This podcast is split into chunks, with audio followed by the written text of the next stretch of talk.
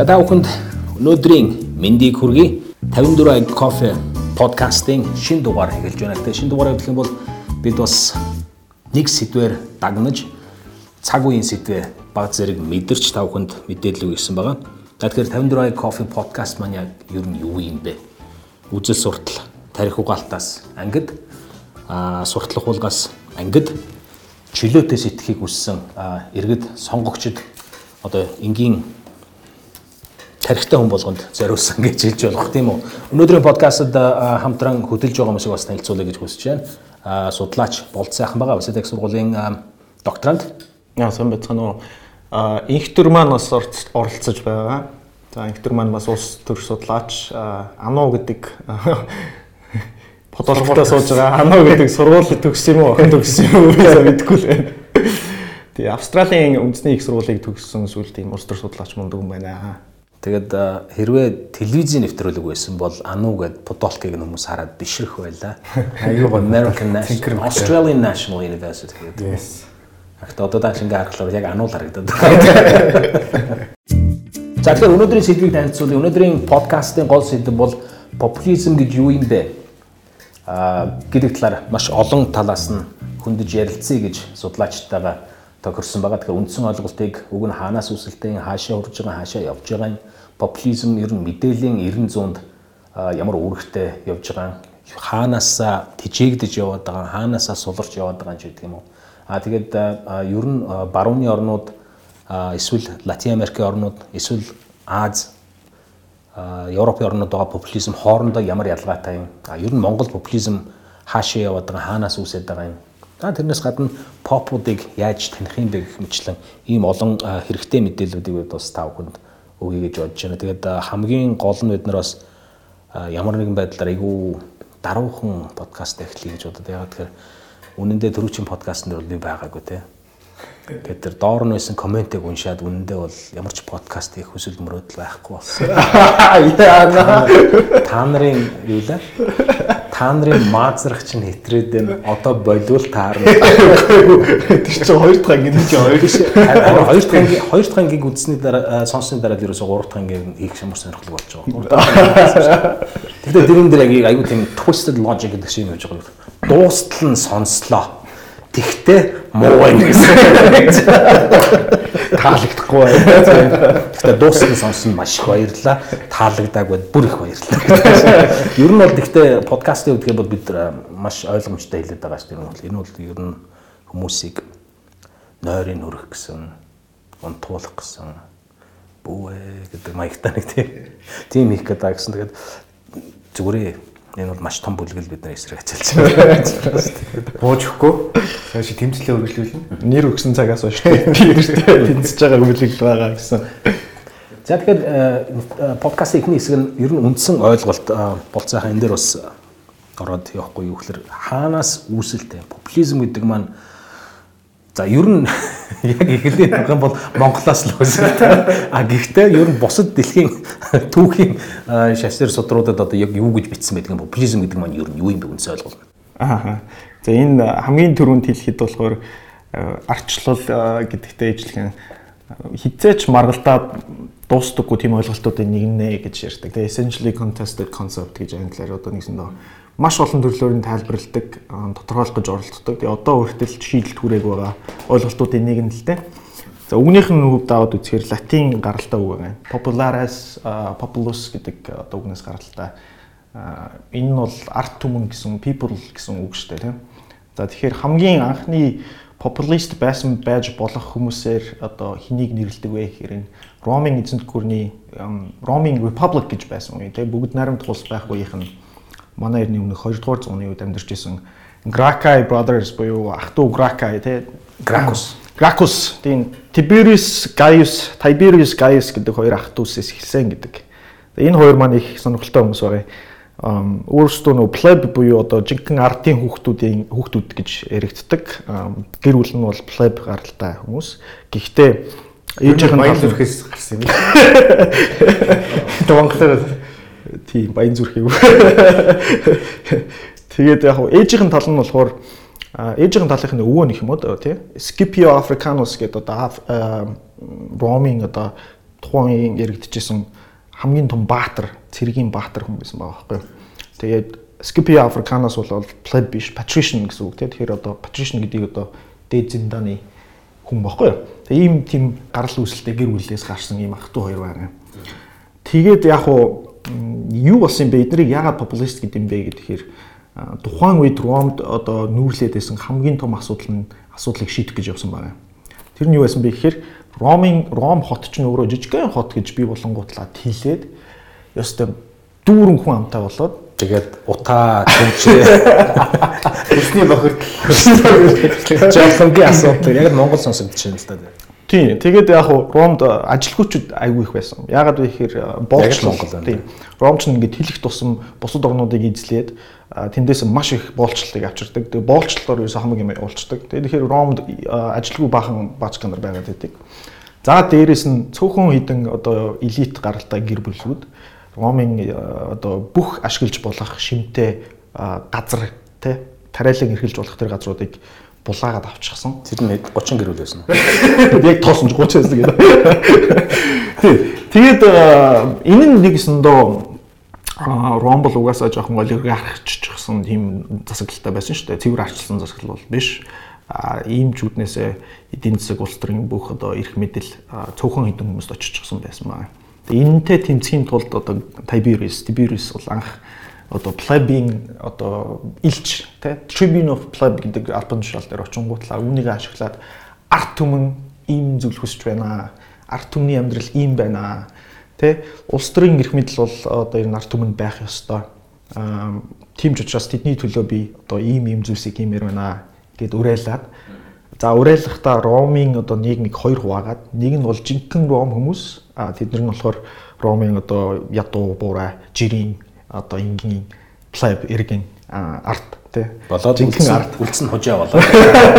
За үлдсэн цөөхөн хэдэн хүмүүс байгаа тэдэр нь бол ерөөхдөө энэ corrupted elite буюу авилга хэл агуулд автсан жинхэнэ арт түмний эрх ашигыг одоо нурааж унгааж байгаа энэ цөөхөн хэдэн хүмүүс байна. Тийм учраас эднэрийн газрыг нь аваад булааж аваад арт иргэдэд тараах ёстой гих мэтлэн ийм бусдад таалагдах гэсэн ийм радикал те ийм үдэл санаануудыг дэлгэрүүлээд их. Одоо таалагдж байна.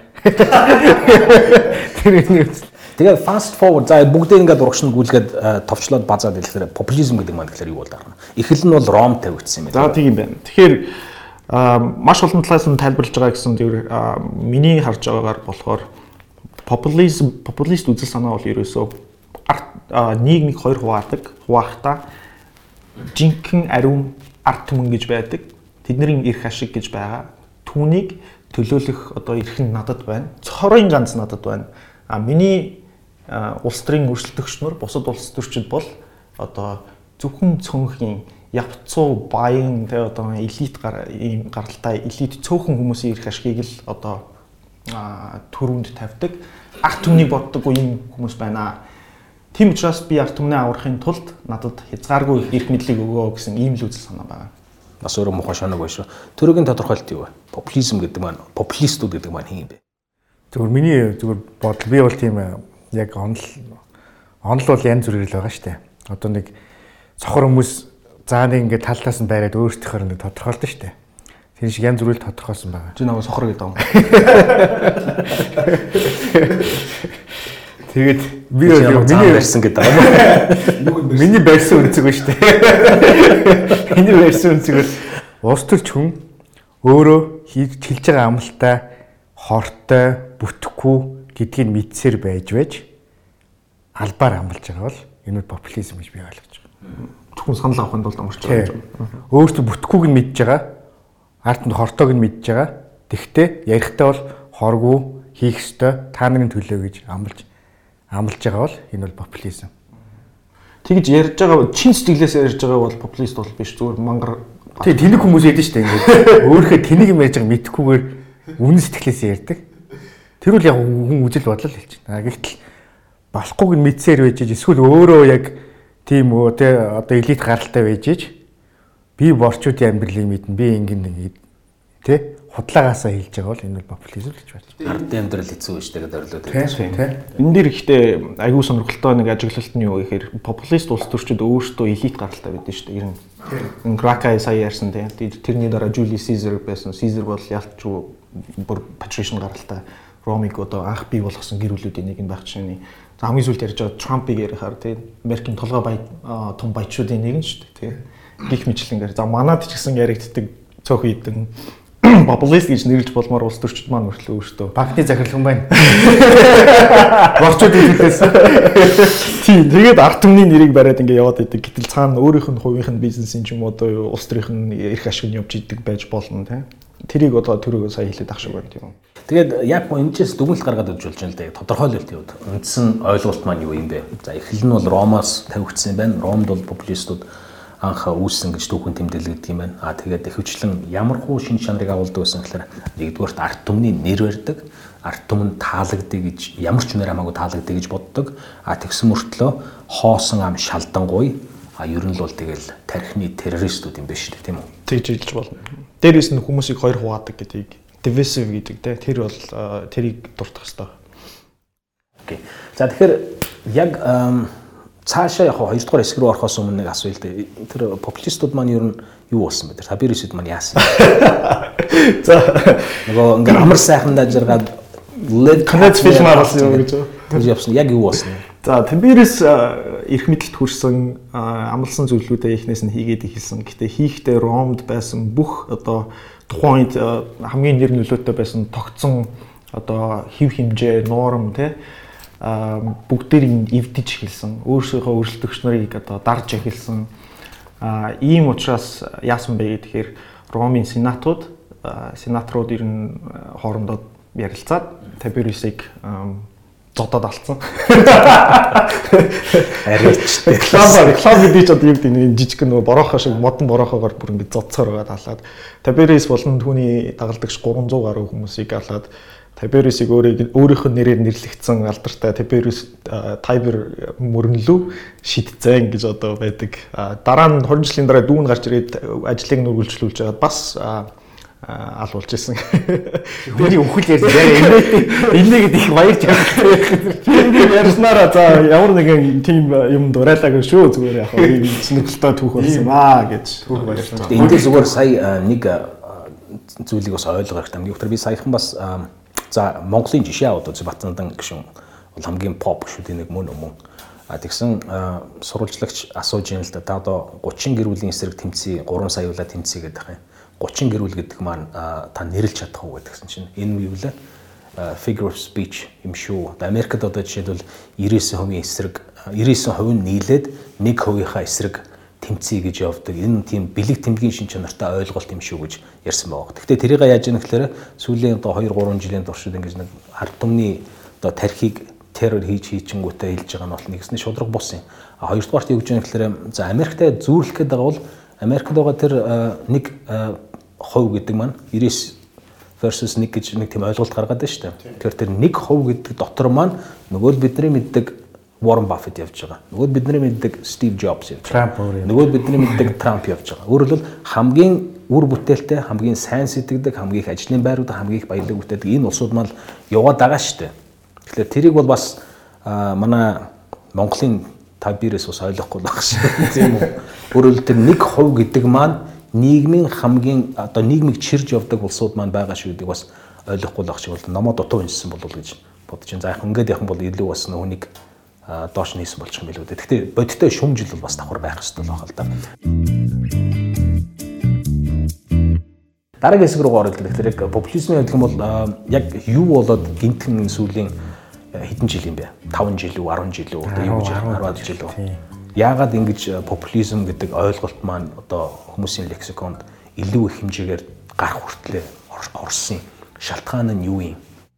А миний бодлоор бол одоо нөгөө мэдээллийн 90 100 гэж байна шүү дээ. Одоо бидний өмнөх одоо яг өмнөх зууны ч юм бол ажилтны 90 100. Одоо энэ зууны чи одоо пост индастриал те ажилтрын дараах буюу мэдээллийн 90 100 гэж хэлдэг шүү дээ. Одоо нөгөө интернет гараад ингээ мэдээлэл одоо хангалттай болсон хүн бол өмнө нь бол яадаг байсан гэхэлэр нэг улс нэг телевиз байдаг тэрийг нь тэр төр нь мэддэг те контентийг төр одоо монополддог байсан.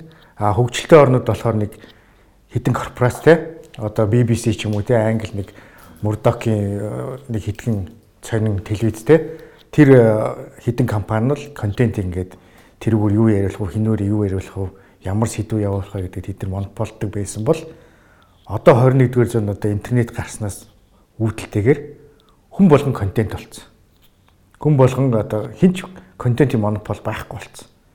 Тийм учраас нөгөө мэдээллийн юу ч юм бол хэмжээ хасар хурдтайгаар нэмэгдсэн. Нэгээс нь технологийн дэвшил, технологийн хөгжил популистад дуу хоолой өгсөн гэсэн үг. А зөв томьёолын юм байна.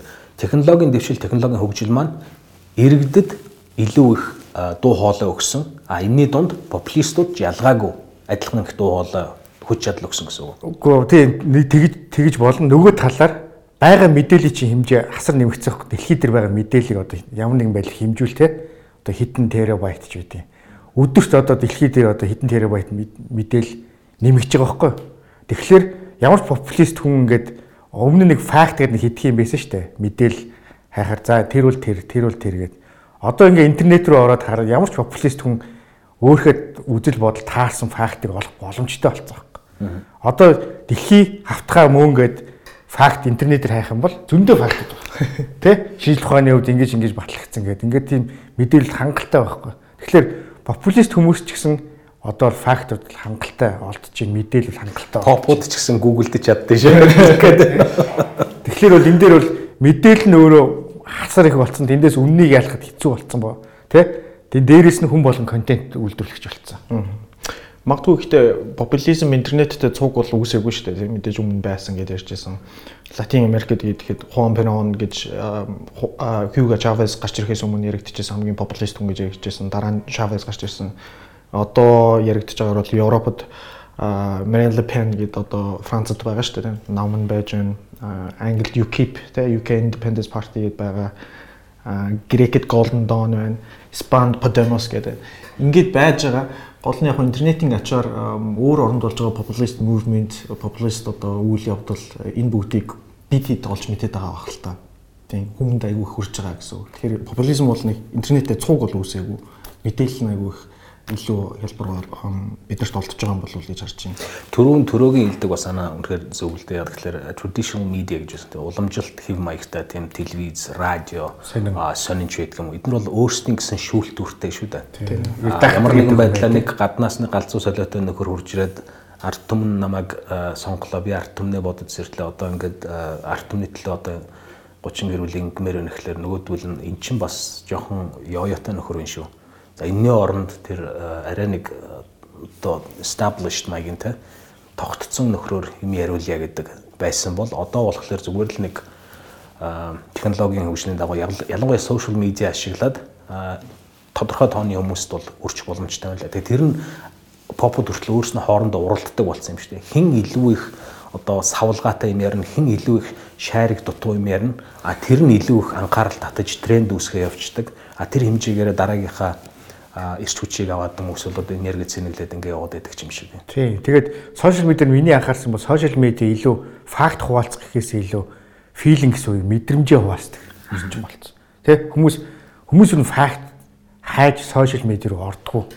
Тэрний жишээ нь одоо жишээ юу вэ? Гэхдээ ер нь ер нь гэд нөгөө нэг хандлах attitude шүү дээ хандлага бол хүмүүс одоо чи чи ингээ амьдрал чинь ингээд болохгүй шүү дээ. Янз бүрийн проблем үүслээ тийм болоо лайн л да минийх зүгээр л лайн чи ямар над руу амар цоо ширтэнгүүтэй одоо жишээлбэл амар сериас бас гайхаад байгаа.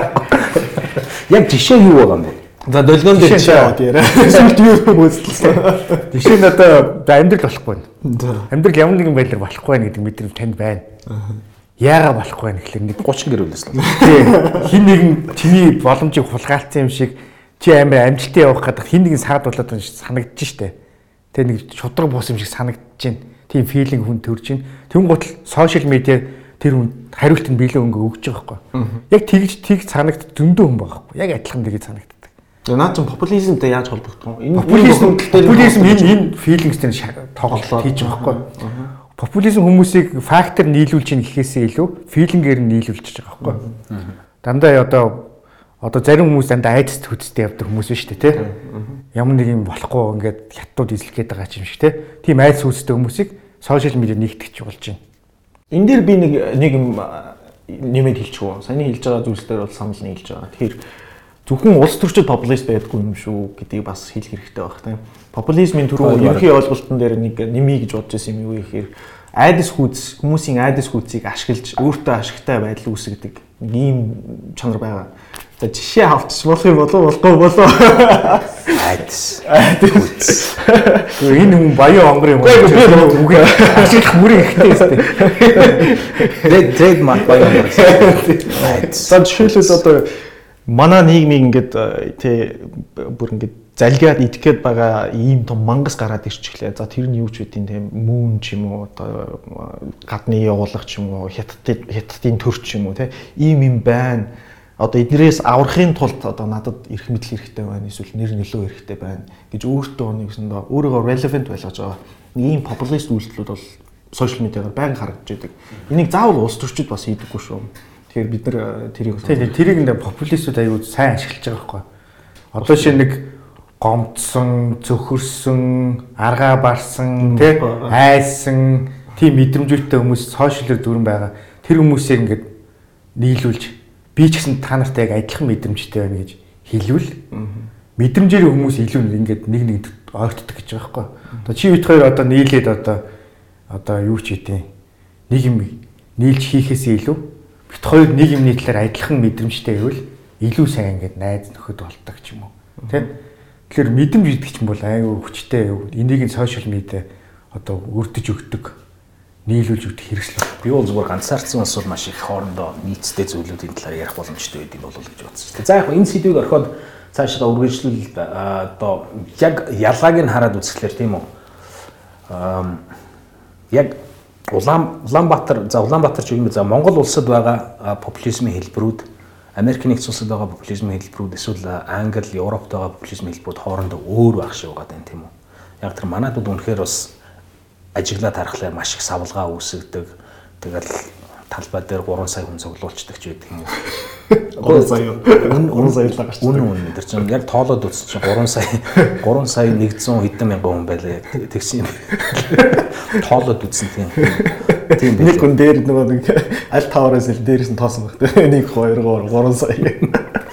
Тийм байлаа. Тэгсэн Монгол болохоор маш их савлгаа үүсгдэг Америкт ч гэдэг юм уу эсвэл өөр аль хэдийн нийгмийн институцууд нь илүү хөгжсөн газрууд болохоор бас тийм ч их савлгаа үүсгэж чаддаг юм шиг.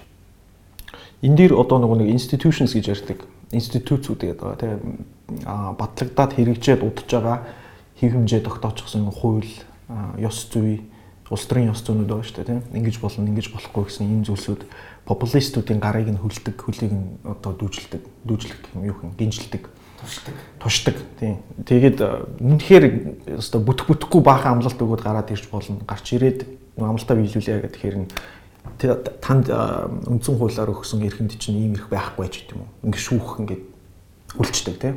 Одоо Трамп Трамп төрч яваад ярихад гарал үүслээр нь Америк руу орж иж байгаа хүмүүсийг одоо ялгаруулад а энэ улсуудаас ирж байгаа хүмүүсийг оруулахгүй ч гэдэм үү. Ингээ шийдвэр гаргасан шүү дээ. Тэрийг доод шатны шүүх одоо энэ бол хууль зөрчиж байна.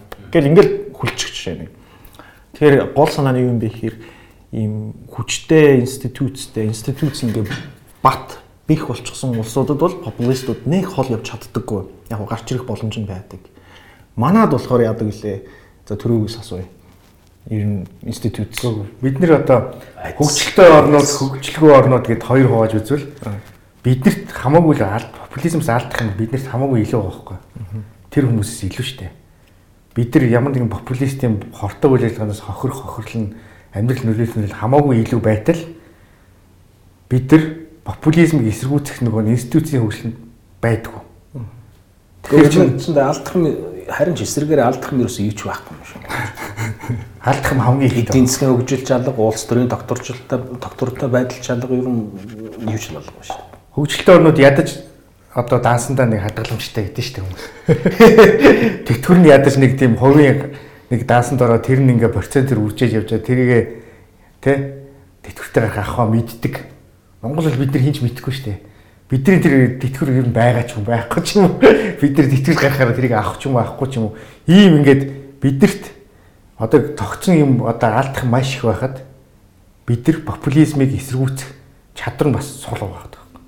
Уул нь бол эсрэгээр байх хэрэгтэй юм шиг те. Алдах юм ихтэй учраас бид нар популизмыг улам хүчтэй эсэргүүцэх ёстой юм шиг байтал ягаад гэвэл институцуудын хөгжил нь тогтож амжаагүй байхад нь популистууд гараад ирчих жоохгүй.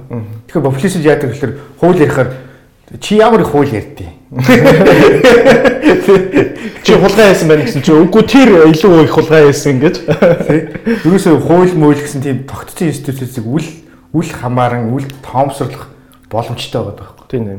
Арчлал залуу арчилсан орнуудад ийм тохиолдол их гардаг. Тэгээ Тайландд нөгөө Такшин Синабатра гэдэг сүүлд нөгөө төрийн иргэлтээр зайлсан ерөнхий сайд маань бол популист байсан гэж одоо улс төр судлаачид үздэг. Яагаад юм хэр бас л нөгөө ядуу жирийн иргэдэд зориулсан их зүйл амлаж гарч ирээ те будаад хараагаал энэ газар газар бас ховжилж өгнө мөгнө гэдээ яриад явж байгаад яг хуу төрийн эрхэнд гарсныхаа дараа эргээд улс төрийнхөө өршөлтөгч нарыг намнаад эхэлсэн те хууль хуулийн хууль засаглалын гадуур намнаад эхлэх жишээ. Өөрөөр хэлбэл наад дээр нэг зүү тогтлоо гэсэн үг шүү дээ. Тэгэхээр попууд юу ч хоосон амлаад шалдангуй царайлаад гарч ирж болно. А тэгтээ эрх мэдэл хүрснийхаа дараа тэд нар зөвхөн өөрсдийнхөө л дүрмээр тоглоно гэж. Тийм, тийм, тийм, тийм. Яагаад вэ гэхээр тэд нар арт түмнийг одоо төлөөлөх эрх зөвхөн надад байгаа.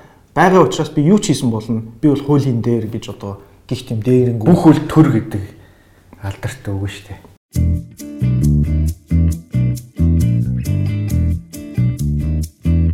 А нэг бас зүйл юм. За яг хуу ингээд үндсэн ойлголтууд популизм мэдээлэл 900-д э, ер нь институт сайн хөгжсөн улсуудад ийм юм байна. Монголд ийм байдаг юм ярилцаад тэгэхээр яг Монголд одоо яг бодит байдал яг ямар байгаа юм бэ?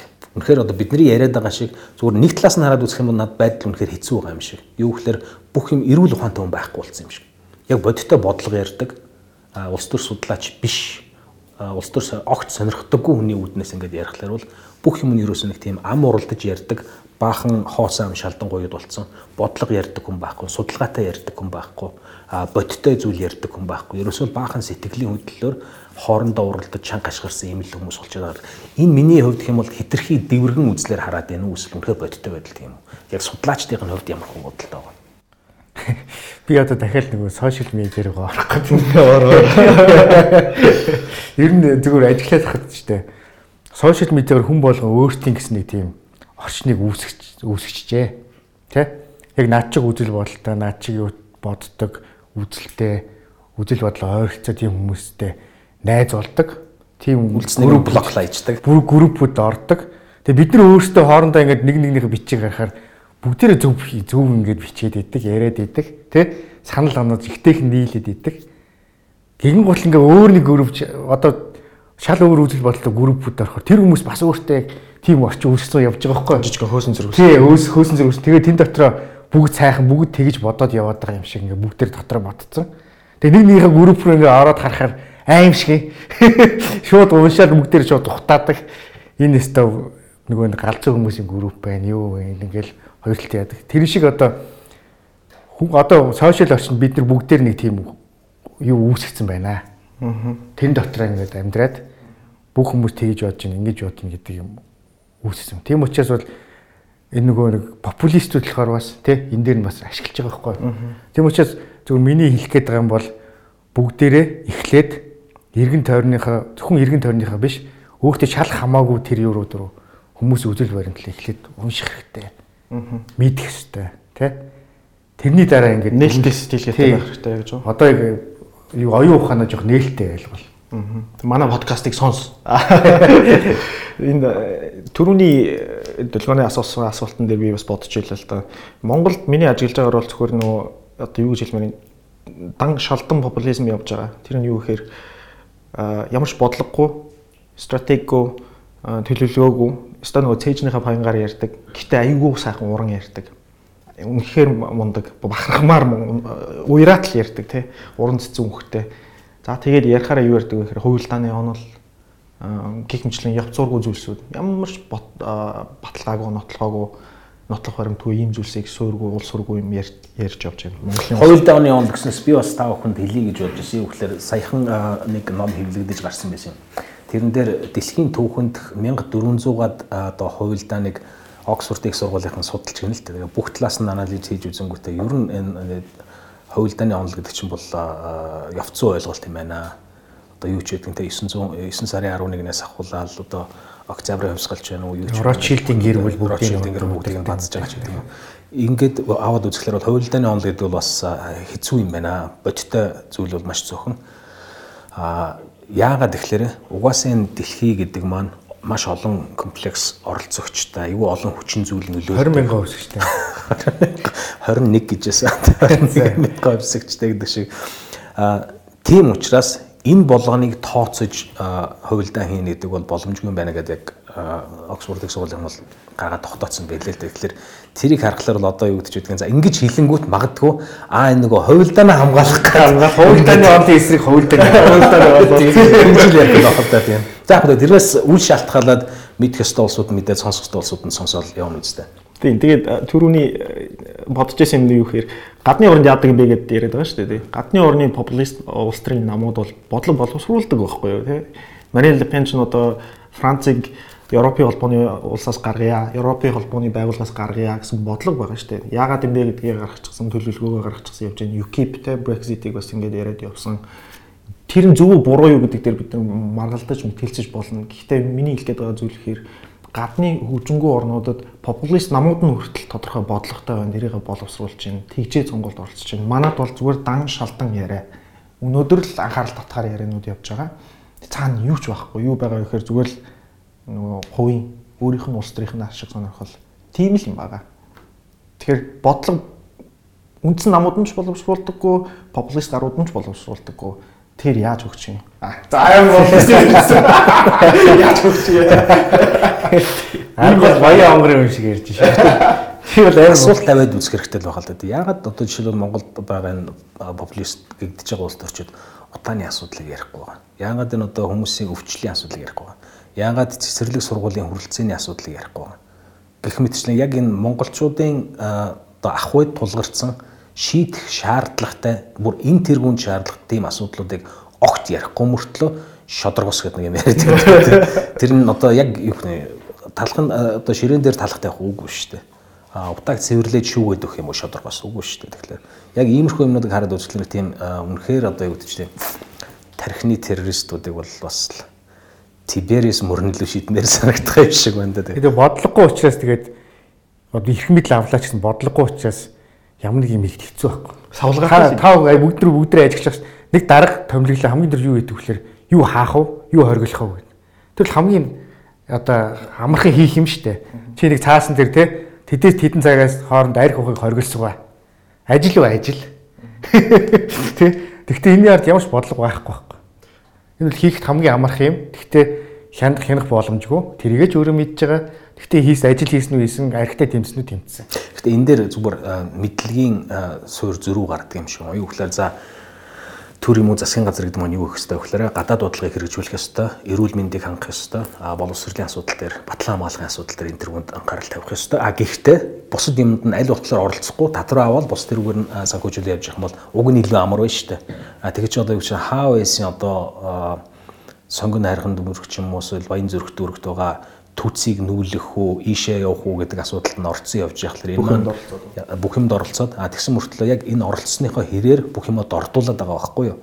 А тэгэхээр зүгээр юу гэж харагдаж байна? Гэхээр үндсэнтэй том зураг харахгүй. Ямар проблем асуудал байгаад байгаа тэрийг шийдэх ёстой гэдгийг харахгүй. Зүгээр л нэг тийм хийсэн хий хоосон саваад байгаа болсон ч харагдаад байдаг. Тийм тийм. Одоо нэг ахаад нэг жишээ ярих дээр хотын дараагаас гадна өөр жишээ гэвэл нэг баяраар тий асар их зардал гаргаад нэг зураг авах болж шүү дээ. Үнээр тийм хэрэг байсан ч юм уу байгаагүй ч юм өөрхөн явуулчих болоогүй гэх мэтлэн тийм бодлогогүй юм хийнэ гэдэг хийх ажил байхгүй юм шиг. Бодлогогүй гэдэг чинь хийж байгаа юмныхаа одоо үр үр дүн уршиг те уршиг урчилж харалгүйгээр юм хийж байгаа байхгүй. Тийм. Тийм биз. Одоо манай подкастыг Game of Thrones-ийн фэнүүд сонсож байгаа л бах. Тэн дээр одоо Cersei гэдэг нэг хатган хангарч байгаа ш те амар мундаг ингээд өршөлтөгчтэй ингээд за өөрөө болохоор тий мундаг нүүдэл хийгээл ингээд өршөлтөгчтэй ингээд унгаагаал алаал ингээд яваад гэдэг боловч үр дүнгийн өрөөсөө тооцоолог учраас эргээд бүх нөгөө юм буцаж өөр дээр нь ямар аимшигтайгаар ирж байна те. Game of Thrones дээр гардаг Dothraki-с чинь монголчуудаас санаа авсан гэсэн. Тэгсэн тэгсэн. Нүүдэлчлээс гэсэн шүү дээ. Монгол гэж хэлсэн үү? Өө тийм үү. Хэлсэн. Би юу сонссон. Жорж Жорж Мартны ярьж байгааг сонссон. Тийм үү. Бахархах юм уу одоо яа. Тэр чинь юу л дүрнүүд байдаг шүү дээ. 200 гаруй өнгөртөн байхад Монголыг бас тэнд дээр оруулсан шүү. Тэр охтууд нэг өөх гээд гүгээд идэг залууч юм блэ дотракийн тоглолт каунтер рогоо тоглолт. Тийм. Шинэ Зеланд. Джейсон Момо үлээ тийм Джейсон Момо.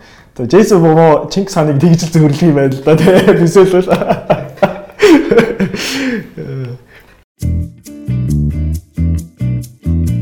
За ингээд подкастын хамгийн сүүлийн хэсэг хэлж байна. Тэрний үхээр ер нь попуудыг яаж энэ сайн тал нь юу юм муу тал нь юу юм? Яаж энэ попуудаас урдчлан сэргийлэх юм бэ? Попор өвдсөн тохиолдолд яах юм? Попын халдвар авсан тохиолдолд яах юм?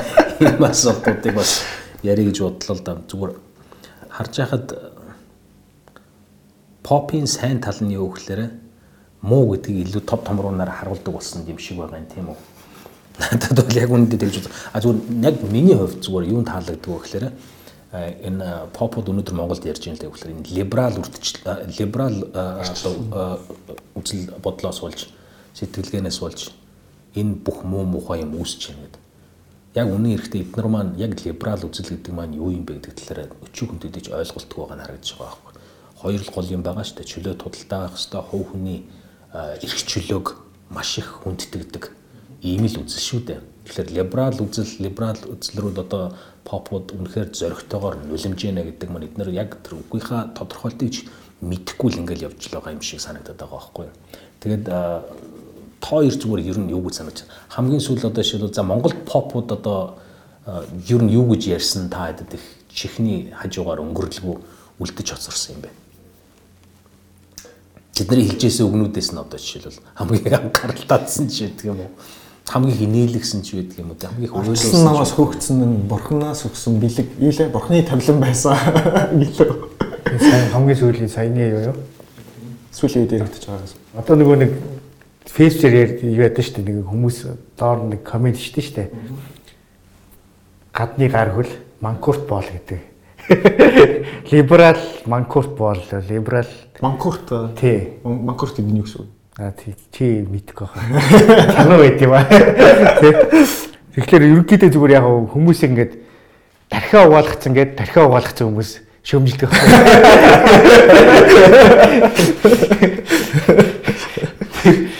Манай зүгээр pop тийм ингээд өөрсдөө шөмжил шөмжилж байгаа хүмүүсийг энэ бол гадны гар хөл гэдэг. Тэ? Ганц юутай. Тэр нь бол одоо манай монголчууд одоо тийм комплекс гэдэг юм яа. Хүн тэгээд ярьчих би гэхээс одоо нэг санаа зовдөг. Үүдээ яриул ярина л үстэй. Тэглээгээд яах. Өөрийн гэсэн итгэл үнэмшил байхад Манкурт Бол гэнэ үү, либерал үзэлтэй Манаг гэнэ үү, эсвэл Молгоо э, хинч гэнэ одоо ямар ямар ялгаатай. Тэдний тэгэл чихний гадуур өнгөрөөл явах л ёстой зүйл шүү дээ. Энд монголчуудын комплекс байгаа юм яасан. Энд э, би өөр дээр хувийн надад тохиолдсон жишээ аваад Бол явдаг. Хаяа нэг э, гадагшаа гадны сонирм нийт бичдэг байхгүй юу. Тэгсэн чинь саяхан таньдаг хүнтэй таарлцсан чинь чи одоо яагаад Монголд ч амьдрахгүй байж ш Монголыг муулаад явах би сунгууд гинэж л тэгээ гүй гэсэн үг ингээд би Монголыг сайлах нь миний үүрэг юм уу гэдгсэн чинь баг л тийм гэж байгаа юм. Тэгэхээр энэ сэтгэлээнд нэм байгаа зү. Нэгт юу гэж боддог гэхээр гадны гадаад ертөнцид бусад улс орнууд Монголыг баян ингээ хараа суучихдаг. Айгүй ач холбогдол өгдөг. Тэгээд Монгол хүн болгоны үүрэг болгоо Монголыг сайхан харагдуулах хэрэгтэй гэсэн ийм Уг нь тийм л тавигтай болохгүй удахгүй юм гэдэг бодитойгоор шөмжлөхөж явдаг. Зүгээр миний хувьд харж байгаа юм гэхэлэр одоо попод ч юм эсвэл өөр жирийн улс төрч юм логикийн зөрчилдөөнтэй юм ярьж гэнэ гэдгээс их одоо анхааралтай харддаг байхгүй юу. Одоо хамгийн сүүл жишээлбэл болдог шин хэлсэн л дээ тэр 3 сарын 18-нд би энэ дөр бүр тэмдэглээд авсан. Тэрний үгээр шудраг ёсны төлөө өөрийгөө золиослоход бэлэн хэн бүхнийг бидэнтэй нэгтгэхийг өрч байна. Энэ одоо юу гэсэн үг нэгдүгээрт одоо миний өмнөөс очиж өөхөх хүмүүсийг цуглуулж ийн гэсэн үг юм уу? Эсвэл юу гэсэн үг тэгсэн мөртлөө а бид бит хоёр нөгөө бацандан бит хоёр нам байгуулж байгаа. Ямар нэртэй нам ингэ гэсэн. Энийг одоохондоо мэдэхгүй байна. Тэрийг иргэдээс иргэдээс асууж байгаа бол гэдэг. Тэгэхээр нам байгуулж байгаа улс төрийн зориг гаргаж байгаа юм бол тэрийнхээ нэрийг нь өгчих юу л алгалаа шүү дээ яг үнэхээр. Тэгэхээр ямар нэг тийм нөгөө бодлогын болоод бусад шийдэл алга байна, толгой нь хоосон байна гэдэг бол шууд харагдаж байна. Надад зүгээр ингэж харагдаж байгаа байхгүй яг үнэндээ. Ямар хүн нэрнүүд өгнө гэж бодож байна. Одоо бурхантай салбартай. Арт түмний нам шээ одоо шудраг эсийг бүтээх нам. Иесус Иесусээс хожимын үеийн гигантнуудын гэдэг шиг. Одоо үеийн гигант. Хагаад хоёр нэрийг өгчөж болох юм биш. Тийм бод их гоё нэр байх юм бол тэгээд аваад наач шанаа тийм үү. Яг тэгэхээр та хоёр хоёулаа 3.3 сая иргэнийг төлөөлж байгаа байхгүй юу? Битээ бусд нь биш. Хинхэ арт хүмүүс шүү бид хоёрыг арт байгаа биш. Түрүүн юу популизмын сайн тал нь юу вэ? Муу тал нь юу вэ? Муу талаас нь яаж сэргийлэх вэ гэсэн сэдвийг хүндсэн сайн тал бас байдаг гадны жишээнүүд байгаа. Тэрийг хальт дуртах хэрэгтэй баг тий. Franklin Delano Roosevelt FDR-ийн хэрэгжүүлсэн шинэ гэрээ гэдэг одоо Америкийн нэгдсэн улсын нийгмийн халамжуудыг ихлүүлсэн энэ хөтөлбөрийг бол популист гэж тухайн нь шөмжилжсэн байх юм. Тэгэхээр за Америкийн түүхэн дээр ахаад яхаар арт түмний нам гэдэг нэртэй нам хүртэл байсан тий People's Party гэдэг. Эдгээр болохоор progressive taxation гэдэг айдиаг анх гаргаж ирээд төлөвлөжүүлсэн өөртөө хэрэгжүүлж чадаагүй л та тэгээ ID-г гарч ирсний дараа санаа нь гарч ирсний дараа дараагийнх нь улс төрчид нь хэрэгжүүлээд явсан байх жишээ нь. Тэр бас дандаа муу байдаг биш ээ.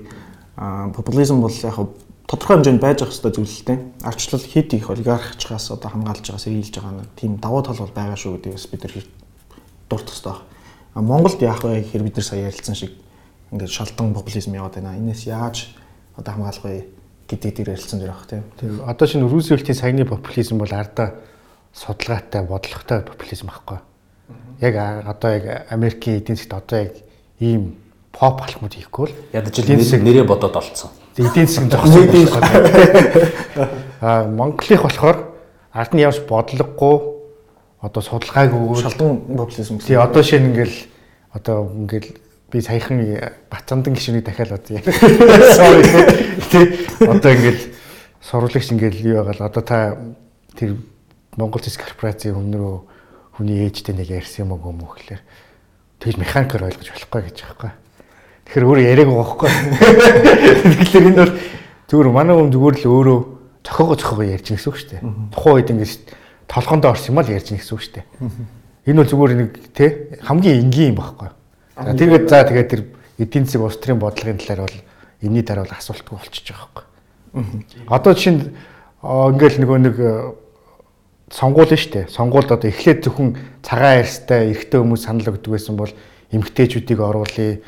Одоо хар арьснуудыг оруулъя. Эдгээр чинь тухайн үед бүгд популизм байсан штэ. Тийм үстэй. Бүх бүх нийтээр санал өгөх эрхтэй болыг чинь тухайн үед айгүй популист сонирхолтой байсан. Тэгээ одоо ингээ харахад зөв зүгээр байгаа байхгүй. Тэ? Ягаад гэвэл ард нь том судалгаа, факт, бодлого, тэ? Үзэл санаа байсан байхгүй. А хэрвээ ийм үдэл санаа байгаад ийм популизм ярьж болж байна. Үндсэлтэй популизм ярьж байвал болж байна гэж байна. За үндслэхгүй популизм яриад ирлээ. Тэгэхээр жирийн иргэний хувьд яаж хамгаалах вэ? Хамгаалагч байх одоо яаж хандах хэрэгтэй юм? Эхлээд бид нэр аль нь популизм бэ гэдэг бас нэг мэдээд авчих юм баг тий. Тэгэхээр өнөөдрийн подкаст бас нэг хэрэг болох байх гэдэг. Эсвэл бүр төөрүүл айж. Тэгээд цаашаагаа болохоор одоо улс төрчдийн хэлж байгаа ярьж байгаа хийж байгаа зүйлсэд жоохон critical thinking гэтэйгээр тэрийг одоо эргэлзэж хүлээж авах. Эргэлзэж хүлээж авахаас илүү задлан шинжилж ойлгох гэхүү тийм. Эсвэл тунгаан бодож одоо шууд эмоцороо юм хүлээж авахгүйгээр нэгэн одоо бодолтой хандах хэрэгтэй гэж хэлэх гээд байна л да.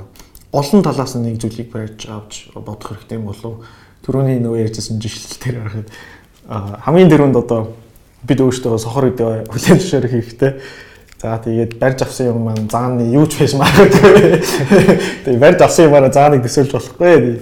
Юу гинж бариад авсан байх юм гэлээ гэдгээ бас бодож авах хэрэгтэй болов. Тэгээ ерөнхийдөө яг миний хувьд бол популистуудын нэг одоо ашиглаж байгаа юм хүмүүсийг хуваах тий хагалт энэ манай тал энэ нөгөө дайсны тал гэж хагалдуулах тактик барьж байгаа.